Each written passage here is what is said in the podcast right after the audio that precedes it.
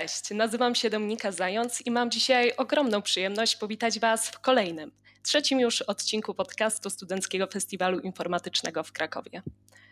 Dla tych, którzy jeszcze nas nie znają, pozwólcie, że w kilku słowach opowiem Wam, czym jest nasz festiwal.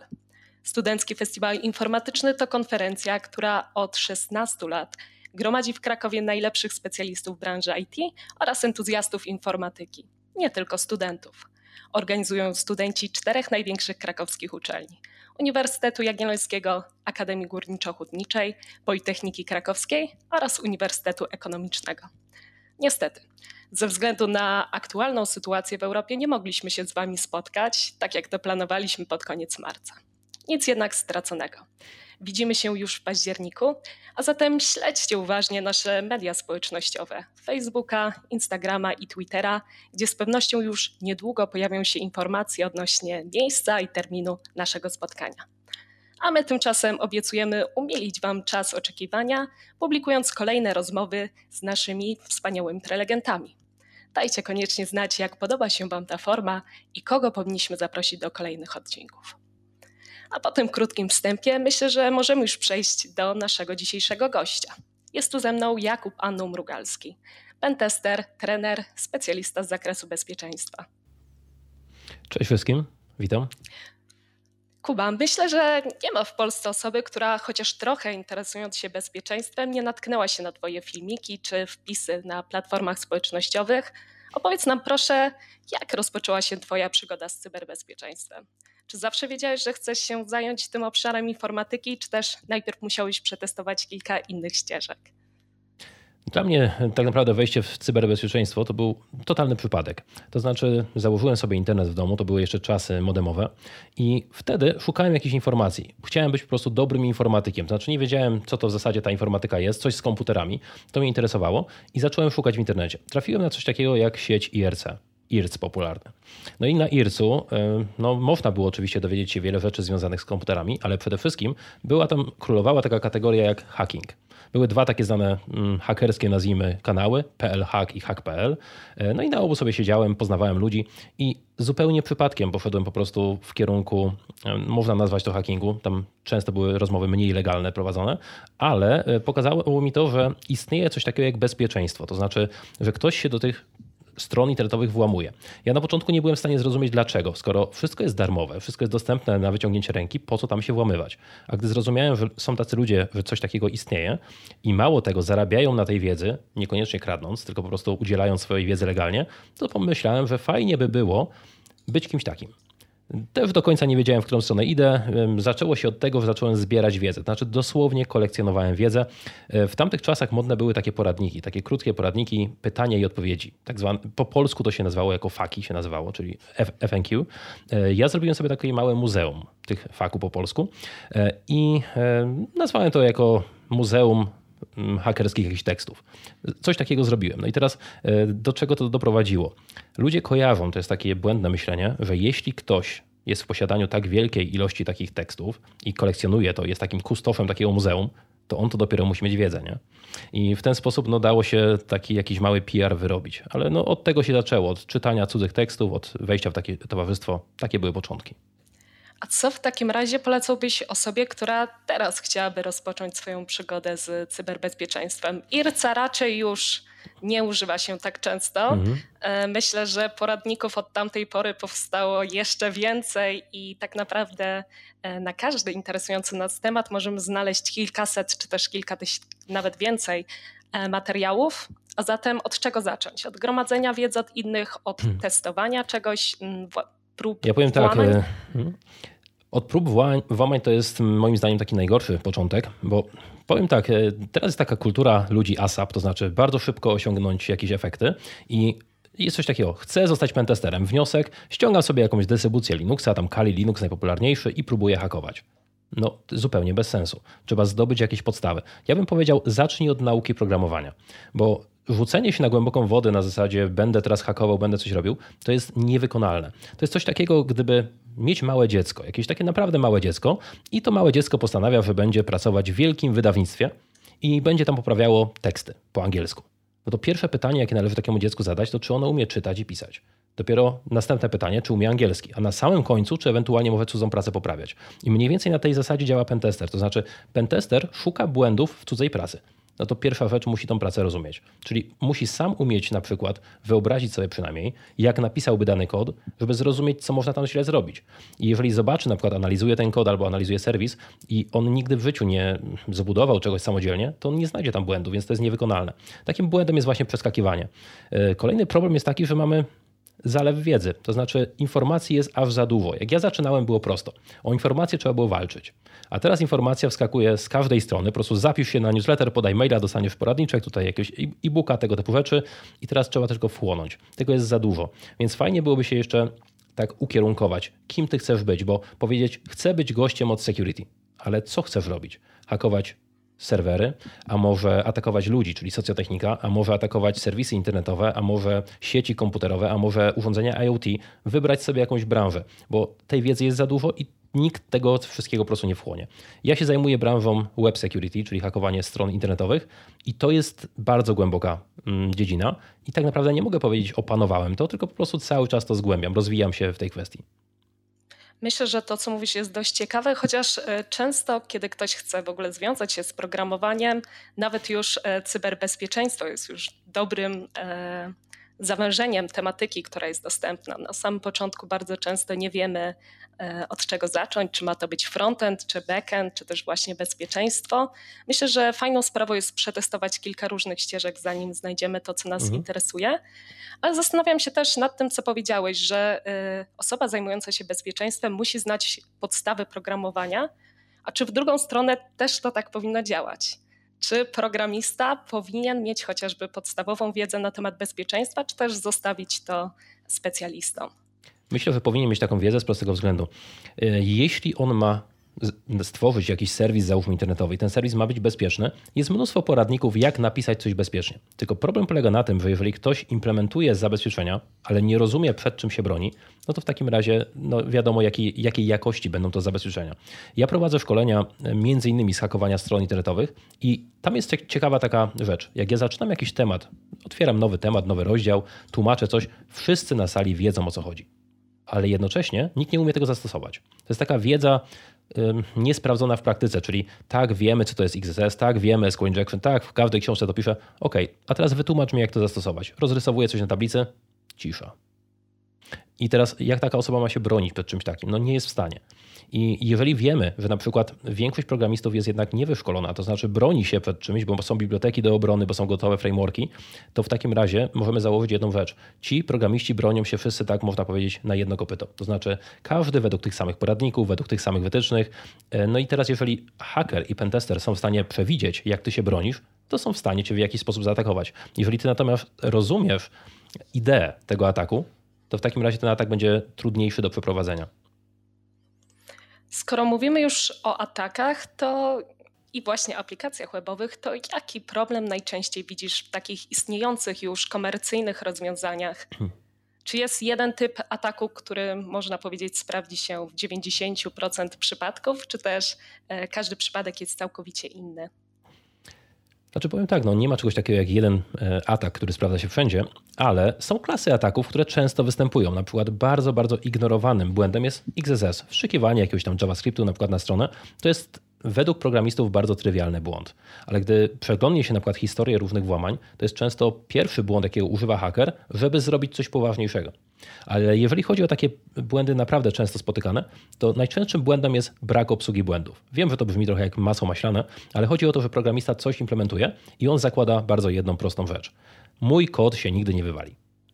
I nagle przychodzi pentester i co robi? No pierwsza rzecz, próbuje wywalić kod, wysypać go, to znaczy spra sprawić, ażeby coś się wykonało nie tak, jak programista założył. Programista na przykład pyta człowieka, ile masz lat? Pytał o wiek. No to wiek jest liczbą, prawda?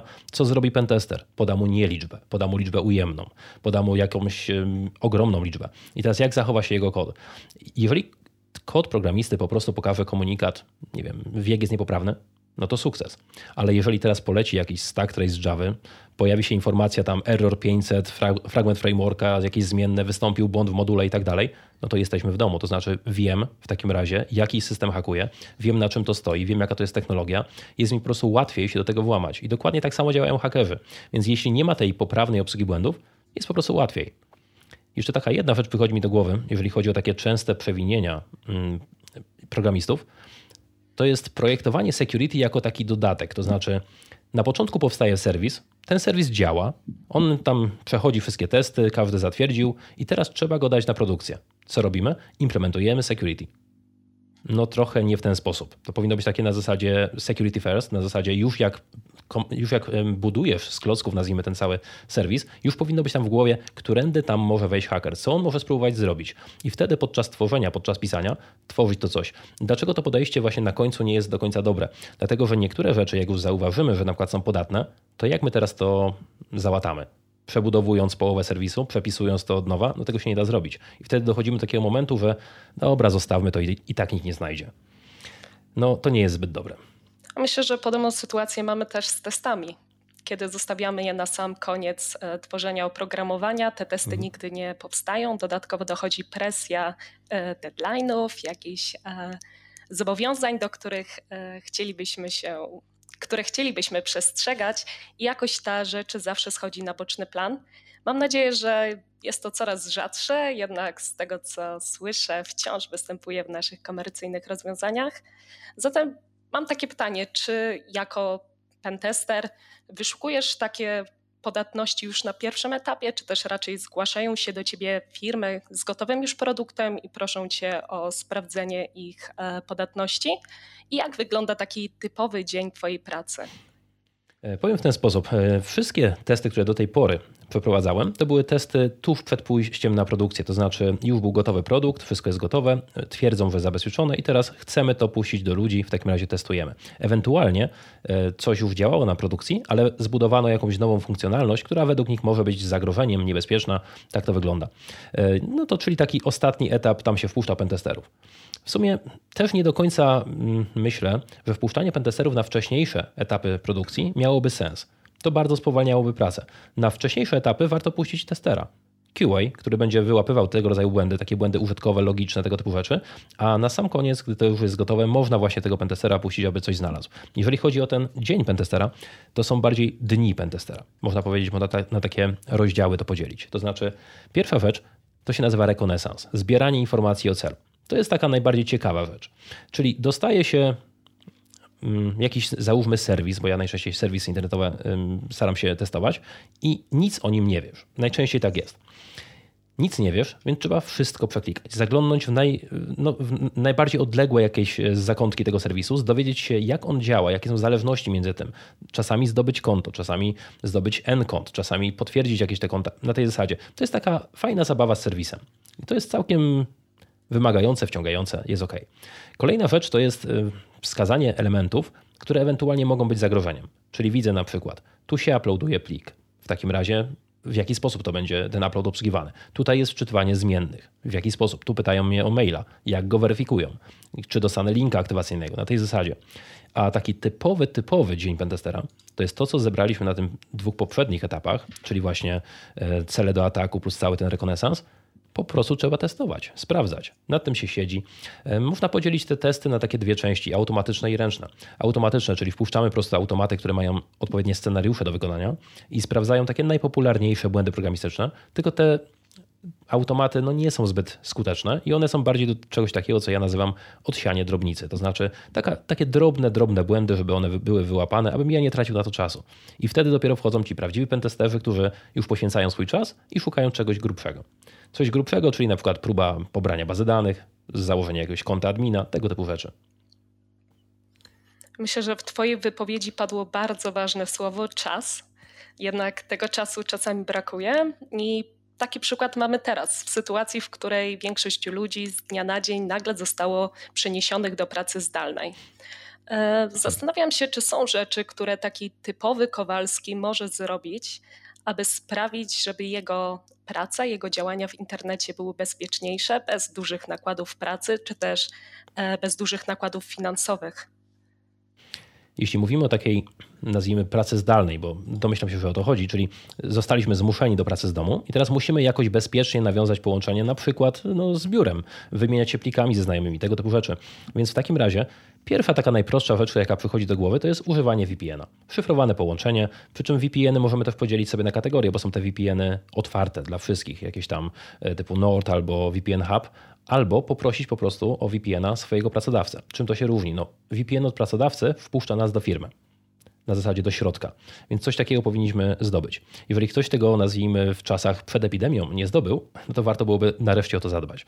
Kolejna sprawa w jakiś sposób warto byłoby zabezpieczyć się, e, wymieniając dane, to znaczy mm, bezpieczna metoda przesyłania danych.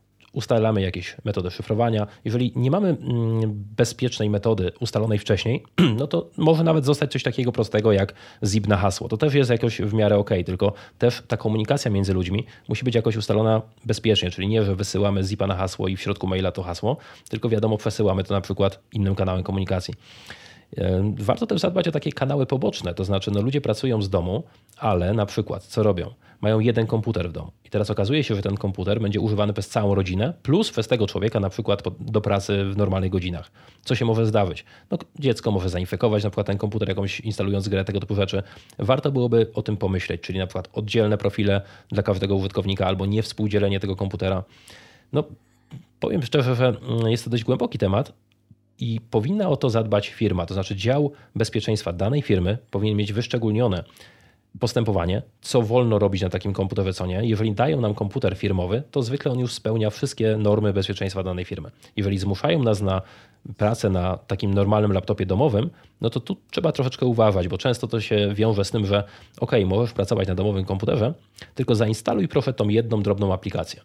No i okazuje się, że to może być na przykład aplikacja szpiegująca, która sprawdza nasz czas pracy, przy okazji ma dostęp do dysku twardego, więc no tu należy uważać. Myślę, że e, branża IT jest w większości przygotowana na, na pracę zdalną. Jest to coś normalnego, że przynajmniej kilka dni w tygodniu pracownicy e, spędzają z domu. E, zastanawiam się, czy inne branże w Polsce są na to gotowe. Jakie jest Twoje zdanie na ten temat? Myślę, że większość branż jednak nie jest na to przygotowana. No chociażby branża, nazwijmy to edukacyjna, w sensie szkoły. Mówi się, że tam 92% szkół przeszło faktycznie na naukę online tylko że no ja jestem rodzicem i ja wiem, jak ta nauka online wygląda, a dokładnie jak nie wygląda i nawet czasami nie słychać. E, chodzi o to, że to jest mm, takie często rozwiązania ad hoc, to znaczy nikt nie był przygotowany, że coś takiego będzie potrzebne i nagle szybko szukamy rozwiązań. I teraz okazuje się, że na przykład każda szkoła szuka zupełnie innego. Jedni używają Zooma, inni Discorda, inni jeszcze czegoś innego. To, to jest branża edukacyjna, ale są też branże takie, w których po prostu no, nie za bardzo da się pracować nawet e, zdalnie. Są przetwarzanie danych osobowych, zabrania czegoś, na przykład polityka NDA, czyli zachowania poufności. Myślę, że po prostu jeszcze wiele branż nie jest przygotowanych na coś, coś takiego. A czy dostrzegasz jakieś szanse, które mogą się pojawić na rynku pracy hmm. dzięki właśnie przetestowaniu pracy zdalnej? Myślę, że tak i to myślę, że to będzie ogromny plus tego wirusa, można powiedzieć. To znaczy, plus będzie taki, że wiele firm jest zmuszonych po prostu do tego, aby przystosować się do pracy zdalnej. I teraz, jeśli powstaną takie zdalne stanowiska pracy, to może się zdarzyć, nie wiem, że tak, nie powiem, że tak będzie, ale może tak być, że coś takiego jak lokalizacja pracownika przestanie mieć znaczenie. Czyli szukam pracy, a skąd jesteś? Co za różnica? Masz stanowisko zdalne, jest przygotowane, twoi pracownicy pracowali zdalnie, w tym momencie nie ma oporu typu firma z Krakowa zatrudnia kogoś z Gdańska, przykładowo. Więc mam nadzieję, że to pójdzie w, w tym kierunku. Wiele firm też stwierdziło, że, znaczy stwierdzało przez wiele lat, że nie ma możliwości pracy zdalnej, a teraz jest przymus. No i co się okazuje? Jest możliwość pracy zdalnej, mało tego, dostosowali się, mało tego pracują. Więc to myślę jest ogromna zmiana i to jest ogromna szansa dla pracowników. Wielu pracowników moich znajomych walczyło o pracę zdalną, taką normalną pracę zdalną, full etatową nazwijmy. No i szefowie zgadzali się. Jeden dzień w tygodniu, dwa dni w tygodniu pracy zdalnej, bo na wydajność padnie, bo na coś tam, niebezpieczeństwa, inne takie rzeczy. A teraz mają oni szansę. Udowod mają szansę udowodnić, że naprawdę pracują wydajnie i to na takim pełnym wymiaro, pełnowymiarowym etacie? Myślę, że jest to z jednej strony szansa, z drugiej strony trudno udowodnić stuprocentową wydajność, gdy mamy dzieci w mhm. domu, czy też problemy z laptopem, tak jak o tym mówiłeś. Jednak wierzę, że wykorzystam te szanse. Powiedz mi, czy wierzysz w to, że na przykład wybory, czy też testy ósmoklasisty mogą zostać przeprowadzone zdalnie? Jak jest Twoje zdanie na ten temat? Hmm. To by się przydał taki plakat I want to believe, ale nie, okay. nie zdecydowanie nie. E, znaczy powiem tak, dlaczego taki sceptyczny jestem w tym momencie? widzę niektóre rozwiązania, które zostały wprowadzone do tej pory. Na przykład aplikacja kwarantanna, aplikacja do głosowania dla posłów. E, no, widać e, aplikacja do liczenia głosów, na przykład w komisjach wyborczych. Widać, jak to się bardzo nie udało i widać, jak to bardzo było przy, przygotowane w takim szybki sposób. I teraz, jeżeli my na takim rozwoju, nazwijmy tej technologii rządowej, chcemy zbudować wybory prezydenckie, to może się w najlepszym wypadku posypać, a w najgorszym może dojść do, po prostu do jakiegoś fałszowania wyników. Więc póki co powiedziałbym, no nie jesteśmy na to gotowi, a też są problemy natury technicznej i etycznej. Kto będzie czuwał nad tym systemem? Jedna firma, która wygrała przetarg, będzie miała dostęp do wszystkich głosów Polaków i ostatecznie powie, wygrał pan A albo wygrał pan B na tej zasadzie. No, jest dużo problemów do mm, do ogarnięcia i co najważniejsze są problemy mm, no, analogowe, bym powiedział. Czyli ktoś jest osobą na przykład nietechniczną, nie korzysta z komputera, nie korzysta ze smartfona i teraz jak robimy? Połowę osób głosuje na kartkach, połowa głosuje listownie, połowa głosuje przez internet, połowa i jeszcze w inny sposób i teraz sumujemy te głosy razem. To jest duży problem do ogarnięcia i moim zdaniem nie jesteśmy na to gotowi i jeśli ktoś będzie chciał to spróbować zrobić metodą, a może się uda, to się nie uda. Tak myślę. Może odejdźmy na chwilę od tych tematów pracy zdalnej. E, przejdźmy do tego, co robisz na co dzień, czyli Twoich e, szkoleń między innymi. I tu właśnie chciałabym zapytać, skąd wzięła się Twoja pasja do, do dzielenia się wiedzą? Słuchałam w jakimś podcaście, że już w czasie studiów które gdzieś tam przez chwilkę zaliczyłeś na swoim koncie, e, uczyłeś innych studentów i czy to już wtedy zrodziło się to ziarenko E, pasji do dzielenia się wiedzą, czy też e, wynika to z czegoś innego? Wynika to z czegoś innego i zrodziło się znacznie, znacznie wcześniej. Myślę, że to się zrodziło tak w okolicach liceum. Trochę przed liceum dotarłem do tej właśnie wiedzy, co na początku mówiłem, czyli wiedza związana z hackingiem. I problem, jaki zauważyłem, był taki, że ludzie w internecie nie chcą się dzielić informacjami w żaden sposób, wiedzą, w sensie informacjami, a wiedzą. No i wiedza była trudno dostępna. To były trochę inne czasy. Teraz trudno to zrozumieć, teraz wiedza leży po prostu na ulicy. Ale skoro trzeba było walczyć o tą wiedzę, ja się z tym nie zgadzałem. Pomyślałem, no to jest jakieś nie fair. Dlaczego coś tak cennego na zasadzie dla ludzi ma być dostępne dla nielicznych? I stąd powstało właśnie to moje muzeum tych wszystkich tekstów. Część tych tekstów, ona tam była no, mało legalnie udostępniona, to znaczy e, tylko dla wybranych, a ja po prostu puściłem to dla wszystkich na zasadzie macie, bo informacja chce być wolna, tak? E, no, no nie zupełnie to było mądre podejście. I teraz w tamtych czasach się zaczęło to, że mogę dzielić się cudzą wiedzą, ale skoro przetworzyłem tą wiedzę i ją wchłonąłem, i ją zrozumiałem, to w takim razie no, trochę taka pyszna postawa mi się pojawiła. Ja bym to zrobił lepiej. Tak, zdecydowanie powiedziałbym to krócej, bo to ktoś się rozpisał na 10 stron, a ja to rozpiszę się na jedną stronę. I zacząłem publikować teksty. Potem stwierdziłem, nikt w Polsce nie nagrywa filmów. YouTube jeszcze nie istniał. YouTube dopiero miał takie pierwsze podwaliny. Tam powstawały jakieś filmy w rozdzielczości 360p, tam chyba do 5 minut. E, no to zacząłem nagrywać filmy. No i wydaje mi się, że w tamtym czasie chyba nikt filmów, poradników filmowych nie nagrywał. Były publikowane po prostu na serwerze typu ściągnij sobie, rozpakuj i oglądaj w domu. E, I stwierdziłem, że to jest fajna rzecz do dzielenia się. Jaki był mój cel? No cel był taki, żeby po prostu tą wiedzę dawać ludziom. Na początku nie było tam żadnego takiego modelu biznesowego typu po co to robisz, bo ludzie często pytali, a jak ty na tym zarabiasz? Tak pomyślę, ty, no faktycznie dałoby się na tym zarabiać, nie? Tylko po co?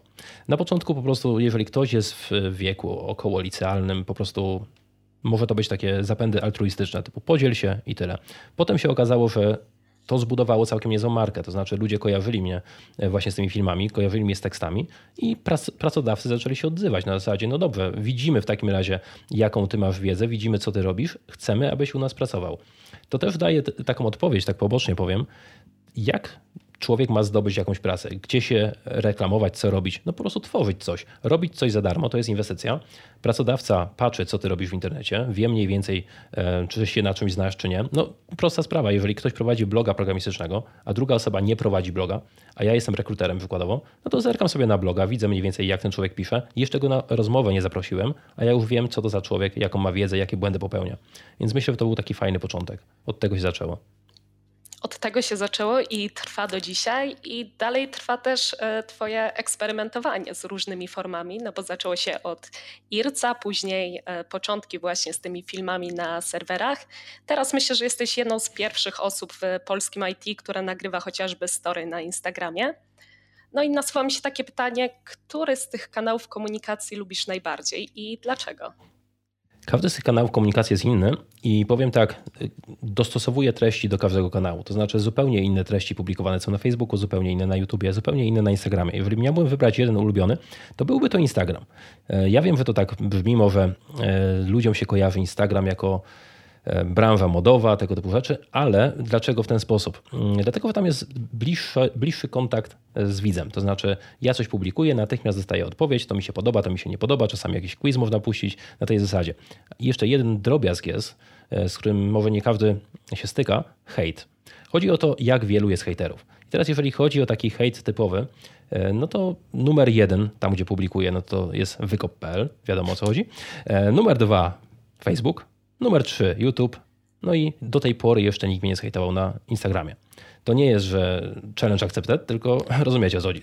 Po prostu jest to miejsce, gdzie w miarę czuję się bezpiecznie, czyli jeśli publikuję coś, to ludzie odzywają się do mnie, gdy im się to podoba lub gdy się nie zgadzają. Nikt nie obwróca człowieka błotem, więc myślę, że to jest bardzo takie bezpieczne miejsce. Mam nadzieję, że mimo tego, że jest to całkiem nowa forma, to ten hejt wcale nie przejdzie na Instagrama i zostanie on takim bezpiecznym miejscem, jakim jest e, teraz. Na koniec chciałabym Ci zadać jeszcze jedno pytanie, które nurtuje mnie chyba odkąd pierwszy raz e, zauważyłam jakieś treści publikowane przez Ciebie w internecie. Skąd wziął się Twój pseudonim? Historia jest długa i dziwna, e, ale najproś, najprościej mówiąc, jeżeli wszedłem w nowe e, towarzystwo, właśnie na IRSU, nie wiedziałem, jaki pseudonim wybrać. I pierwszy pseudonim, jaki wybrałem, to był Pan Lammer, Mr. Lammer. I pomyślałem tak, będę się przedstawiał jako człowiek niewiedzący tak długo, jak zdobędę wiedzę. Ale po czym powiedzieć, że zdobyłeś wiedzę? No, gdy inni ludzie będą o tobie mówić, że jakąś wiedzę posiadasz. No i wtedy trzeba było zmienić pseudonim na inny. I stwierdziłem tak, każdy tam się jakoś zna między sobą. Ja jestem zupełnie nieznany. No to nazwa się po prostu jako nieznany. No i powinno być unknown z N na końcu. E, tylko ówcześnie trochę się interesowałem numerologią i wiedziałem, że 7 znaczy idealny, a 6 znaczy ludzki. No i w tym momencie po prostu człowiek. Chciałem być ludzkim człowiekiem, tak aby każdy w miarę sympatycznie mógł ze mną porozmawiać, abym normalnie się wypowiadał, a nie jak jakiś, e, nie wiem, profesor z uczelni, nazwijmy, no nie oprawiam profesorów. E, I stwierdziłem, że utnę jedną literkę, będzie sześcio, sześcioliterowy nick, który oznacza po prostu ludzki człowiek, którego nikt nie zna. Przyznam, tak że zostało. takiej odpowiedzi się nie spodziewałam. Przeszliśmy tutaj od bezpieczeństwa przez e, portale społecznościowe aż do numerologii, ale od razu powiem, obecnie zupełnie tym się nie interesuję i nigdy tym się nie interesowałem jakoś numerologią e, tak e, na poważnie. Po prostu kiedyś przeczytałem jakiś artykuł i stwierdziłem, że no, to coś sobie ma. Nigdy nie wiemy, gdzie przyda nam się kawałek wiedzy zdobyty całkowicie przypadkowo.